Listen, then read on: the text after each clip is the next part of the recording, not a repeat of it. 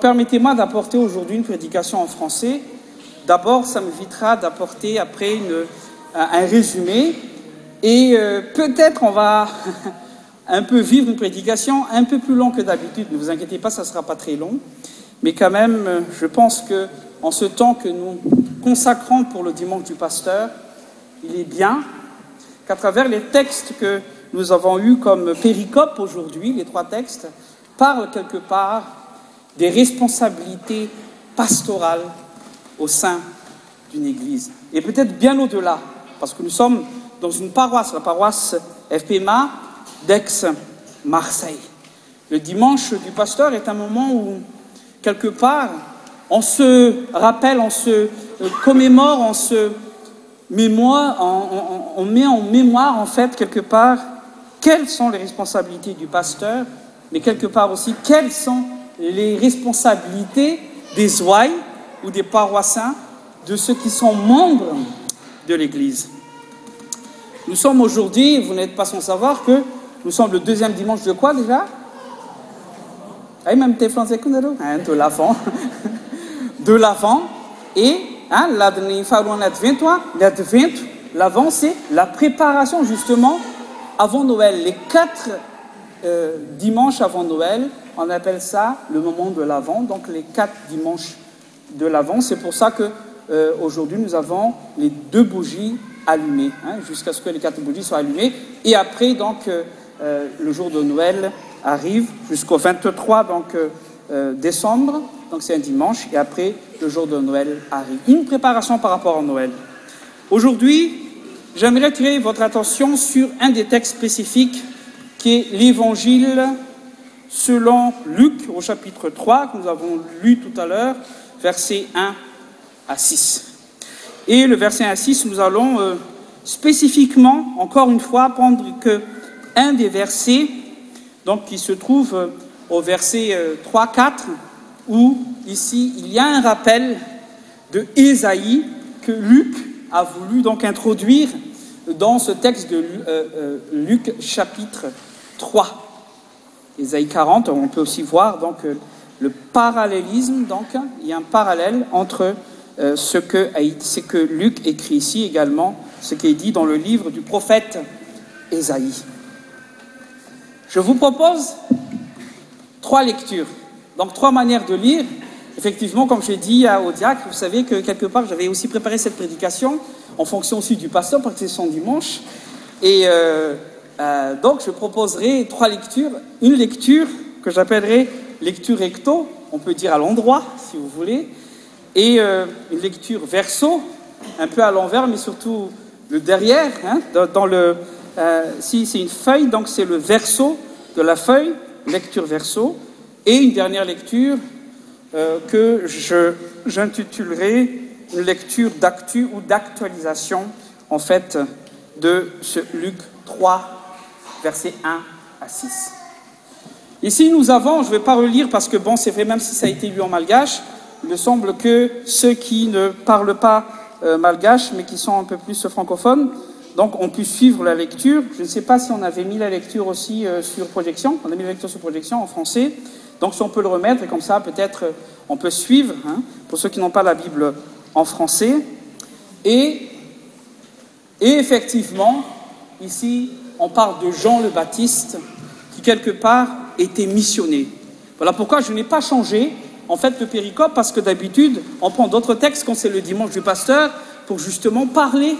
de la mission pastorale parler du ministère pastoral mais en fin de compte tout ce qui a été dit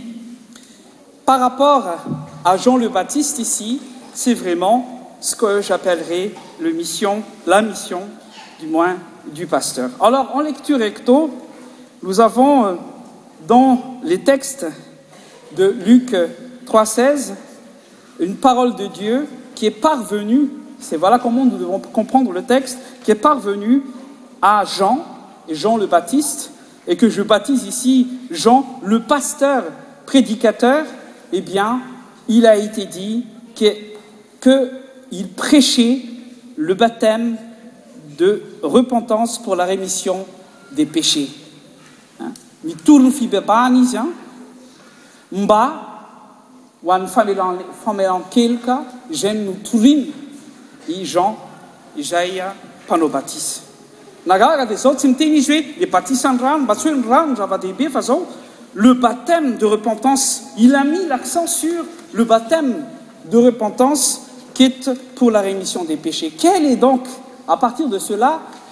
la mission première je dirais même peut être de l'église mais orchestrée par le chef d'orchestre si je puis m'exprimer ainsi donc le pasteur c'est cela prêcher la repentance pour la remission des péchés la question qu'on peut se poser aujourd'hui est ce que l'église aujourd'hui est vraiment missionnée et est ce que l'église est vraiment en action pour prêcher la repentance et la remission des péchés finalement vous savez le monde n'aime pas la repentance je ne sais pas si vous avez eu l'occasion d'avoir un traitement de texte qui s'appelle world euh, je ne suis pas là pour faire la promotion de microsoft mais il y a un logiciel qui s'appelle word et word jusqu'à wordde 2000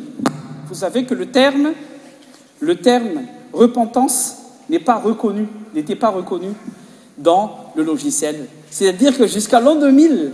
en fait si on avait mis le terme repentance quelque parten eh c'est reconnu c'est soulilion rouge en disant on ne reconnaît pas ce mot et il n'y a aucun mot qi ait été proposé pour remplacer novo repentance parce que justement d'abord on ne veut pas entendre parler on ne sait même pas ce que c'est la repentance mais pourtant toute la mission de l'église est concentrée justement sur cette repentance là et vous allez voir que ce n'est pas simplement illimité à nos quatre murs d'église c'est une mission que dieu nous donne et la question euh, fondamentale qui nous est posée à chacun de nous est-ce que nous avons déjà été confrontés à cette vraie repentance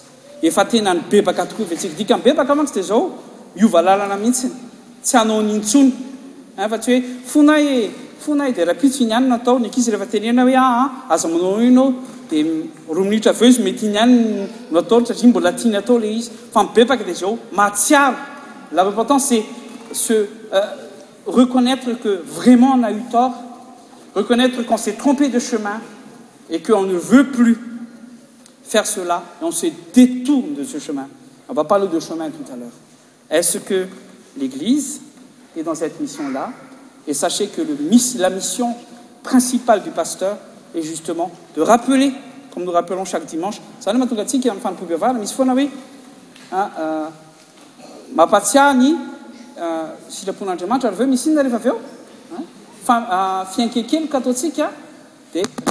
mandray ny famelakeloq tt ndrimatra la remission des péchés après nous recevons la remission des péchés la question est ce que nous en sommes vraiment conscients de cela c'est une des tâches primordiales du pasteur euh, euh, deuxième point je n sait pas si on peut projeter la luc 3 si si vous plaît merci et donc il y a un point ici qui été rappelé aussi euh, que rappelle luc qui a été donné à jean également c'est préparer le chemin en boire l c'est un peu ça quelque part borpréparer le chemin on euh, est en grec c'est etoimazo c'est ce terme etoimazo euh, je pensais que le pasteur était là donc euh, au moins lui il aurait compris de quoi je voulais parler mais c'est pas grave on apprend un peu le grec dedans préparer le chemin etoimazo veut dire deux choses principalement tenir chaque chose d'abord chaque chose prête mais tenir également chaque personne prête prépare cmn ça se traduit comment ça pour nous aujourd'hui que veut dire pour nous se tenir prêt euh, tenir chaque chose prêt et tenir chaque personne prête je vous ai dit tout à l'heure que la responsabilité du pasteur c'est la responsabilité spirituelle de chacun chacune vous imaginez et puis quelque part on va lui demander des comptes selon hébreu 13 je l'avais lu par rapport à la volonté de dieu tout à l'heure lors de la liturgie première partie quand le seigneur demande quelque chose dit eh un tel qu'est-ce que tua fait d'untel un tel aussi je l'ai mis sur ton chemin voilà un peu une des responsabilités qui tombent euh, sur le pasteur en disant bon voilà cqchaque vie spirituelle doit être tenu prêt prête à quelque chose justement parce que nous sommes dans le cadre de l'avant c'est souvent la préparation lavenue du christ dont on parle christ viendra est-ce que chaque personne est prête chaque esprit chaque vie chaque individu est ce que tout le monde est prêt pour cela voilà la tâche et je trouve que cette tâche est noble bien entendu mais pas une tâche facile pour les pasteurs ce n'est pas une tâche facile de voir vous savez que euh, euh, peut-être un peu moins maintenant j'a puis cette faculté mais lpasteurs ils savent qui est là qui n'est pas là le dimanche euh, déjà là j'ai pas compté qui vous êtes mais je vois à peu près combien vous êtes et je sais qui est là et je vois si vous me suivez ou v e suivez pas donc euh, voilà pourquoi j'ai des lunetts parce que je vois pas de loin mais même si je vois pas de loin je vois un peu les réactions des gens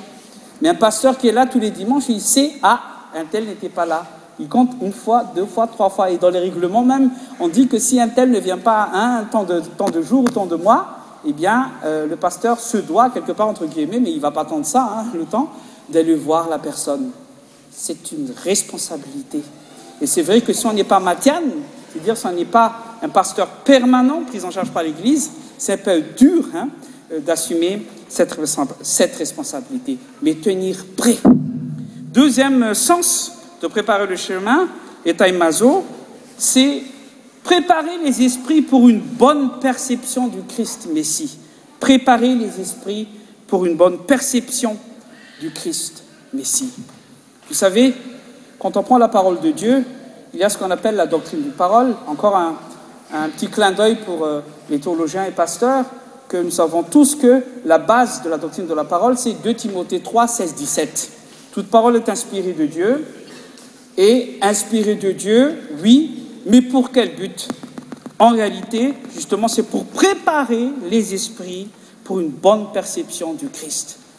être prêt à toute bonne œuvre voilà ce queest euh, la mission une des missions principales également du pasteur ministère de la parole en disant voilà je suis en tant que pasteur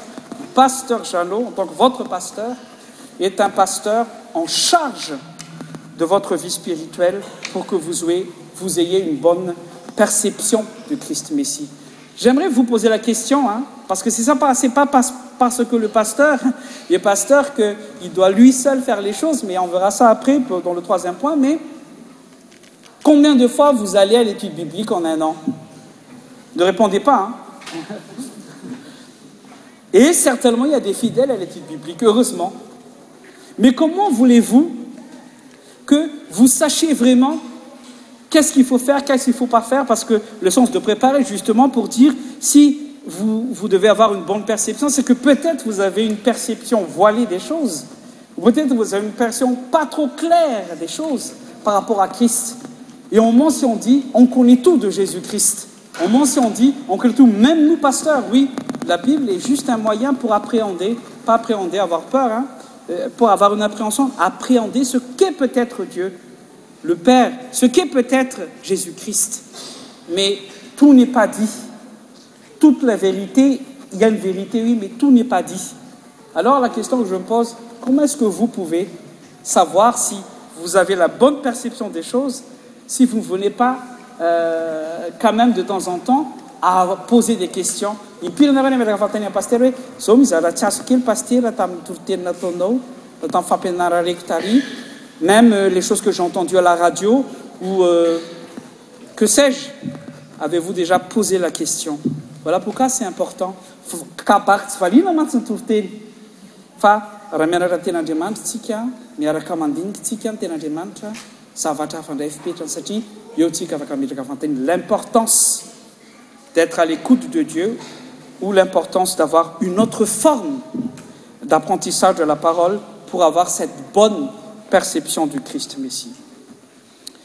deuxième point qui a été euh,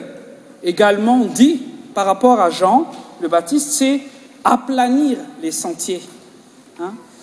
enboar lalana mais aplanir atovmanit ilalan makanenziov il y a deux sens dedans dressetontondnboiralise euh, le chemin n'est pas les autoroutes quand on arrange euh, euh, quand on prépare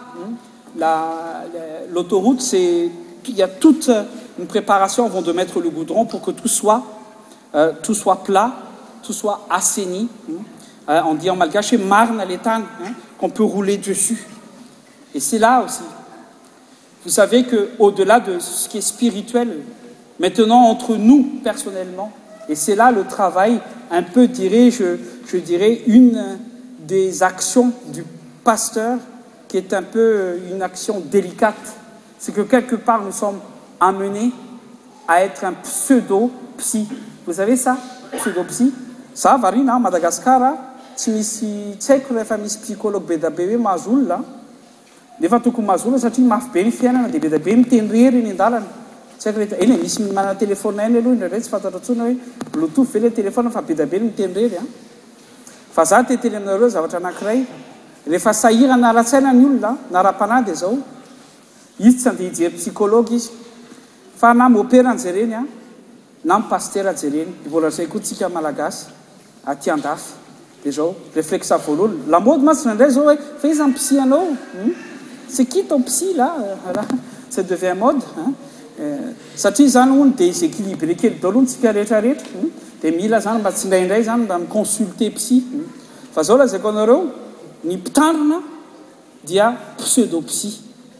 ary anisany zay ah, fampinaramenanaina hoe formation nomena ptanrana zay zao une des formation c'est justement d'être un pseudopsi parce que ça vient du terme grec euh, psoke veut duire euh, l'ame o l'esprit et euh, therapeo veut dire euh, euh, une thérapie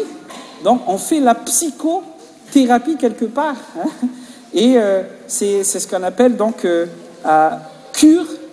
dame ce qu'on fait également on peut dire ça et le cur dame fait partie aussi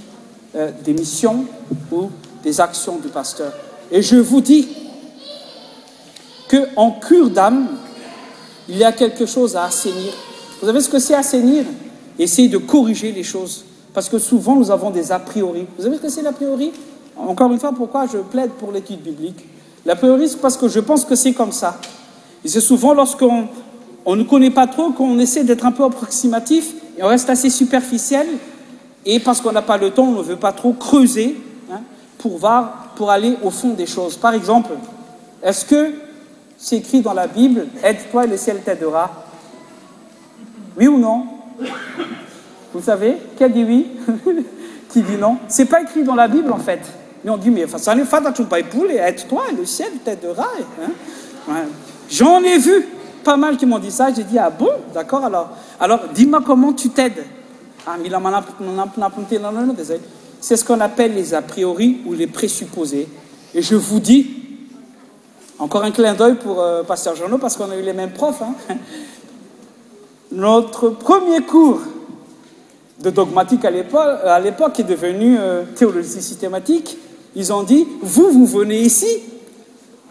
parce que vous pensez pouvoir étudier dieu et vous prenez peut-être euh, parce que la biologie par exemple c'est étude devoie tout ce qu'on peut toucher palpable par rapport au corps humain quevoilà le médecin euh, pourrait dire le biologiste pourrait dire bon voilà on prend quelque chose on met dans les prophètes et on saura ce qu'il y a dedans tesoes et vous pensez peut-être être en théologie parce que vous allez étudier dieu vous allez mettre dieu et l'étudier comment c'est pour ça que j'ai parlé simplement d'un appréhension la bible est une manière de nous révéler dieu a vous ne pouvez pas connaître dieu en tous non dieu ne serait pas dieu dieu il est incompréhensible c'est ce quappelle l'incompréhensibilité de dieu et dieu est impéccable vous savez ce veut direimpcableimpécable ds l'impéccabilité de dieu veut dire quelque chose le péccat en latin veut dire péché e donc impéccabilité qui n'est pas du tout souillé de péché donc quand on dit impéccable alis j'ai un peu peur de le dire par rapport à moi parce que nous sommes tous pécheurs donc l'impéccabilité de dieu c'est un exemple que je donne et il a dit mais en réalité si vous pensez pouvoir étudier dieu ici c'est vous que dieu od et c'est vrai ps139 je vous renvoie là-bas en disant oui je te connais que tu tassoi que tu sois debout même si tu est mort même si tu vas là-haut tu me connais parce que dieu est toujours là c'est lui qui ne connaît plus que qin qui connaît même le nombre de nos cheveux et c'est lui qui va nous sonder et vous allez corriger vos présupposés vos a prioris assainir dresser pour mieux avoir une vision du christ mais si également le travail et la mission du pasteur mettre en pratique ça aussi a planir les santés mettre en pratique et justement si ce n'est pas l'église que euh, nous recevons une édication du moins spirituelle ou religieuse en disant comment est ce que nous devons mettre en pratique enfait tous les préceptes tous les commandements toutes les lois les 613 par exemple de l'ancien testament mettre cela en pratique dans nos vies ce n'est pas